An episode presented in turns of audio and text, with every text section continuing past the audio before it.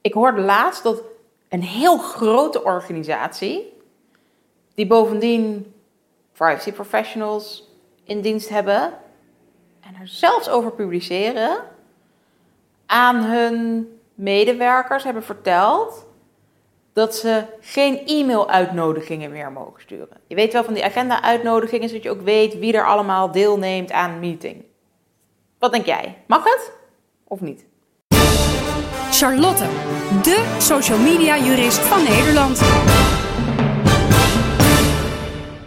Kijk, de AVG heeft zes grondslagen. Daar heb ik al eens eerder wat over uitgelegd. Klik daar even. Je kunt natuurlijk gewoon om toestemming vragen. Dan zou je mensen vooraf even moeten vragen van goh, je gaat dus meedoen aan die en die meeting. Mag ik je naam en je e-mailadres delen met de andere mensen? Opgelost. Maar goed, dat is soms wat onhandig, of mensen reageren niet, of je hebt er geen tijd voor. Ja, uh, zit je dan met die toestemming, moet je het ook allemaal weer bijhouden. Allemaal dat soort zaken. Veel te veel administratie. De vraag is natuurlijk, heb je die toestemming wel nodig voor zoiets als dit? Want laten we wel wezen, die mensen zitten zometeen met elkaar aan één tafel. Ehm, of je kent elkaar al, want dat is waarom je bij elkaar aan tafel zit. Dus misschien hebben ze die gegevens al lang van elkaar. Of ja, ze hebben nou eenmaal die connectie met elkaar. Ze gaan zo meteen sowieso elkaars voor- en achternamen weten. Waarschijnlijk elkaars functies. Misschien ook wel hè, waar ze werken. Ze krijgen waarschijnlijk allerlei informatie over elkaar. Misschien dat ze nog net niet letterlijk daar e-mailadressen uitwisselen. Misschien ook wel trouwens, gewoon het ouderwets visitekaartje zo over tafel. Dus je kunt je afvragen in hoeverre die toestemming nodig is. Is het eigenlijk niet in het gerechtvaardigd belang van de organisator van die meeting dat mensen elkaars namen en e-mailadressen hebben? Juist omdat ze toch al wel van elkaar gaan weten wie er aan tafel zit. En omdat je nou, het nou eenmaal praktisch is om te weten wie er allemaal deelnemen. En zodat je eventueel onderling contact met elkaar kunt leggen. Nou is het absoluut niet zo dat je onder de AVG alleen maar kunt zeggen... ja, maar het is zo handig en het is zo praktisch, dus moet het kunnen.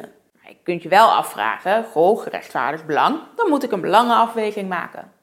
Dat betekent het belang van mij als organisator van die meeting... of hè, wie dat dan ook is die dat e-mailtje uitstuurt... en het belang van al die mensen die aan die meeting meedoen. Nou, die hebben een privacybelang.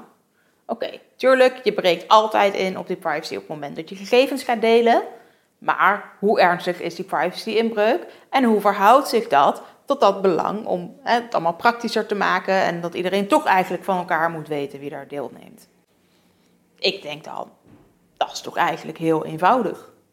Het gaat dus hier voornamelijk om dat e-mailadres. Eigenlijk is dat het enige persoonsgegeven dat mensen vooraf nog niet van elkaar hebben en wat ze ook achteraf niet per se van elkaar hoeven te hebben. Maar die namen, ja, die zullen ze van elkaar al krijgen. En andere gegevens, die deel je niet. Ja, dat het over die meeting gaat en ze daar aanwezig zijn, maar ook dat is iets, dat is informatie, zijn weliswaar persoonsgegevens, die ze allemaal al van elkaar zullen hebben. Dan ben ik er dus snel uit.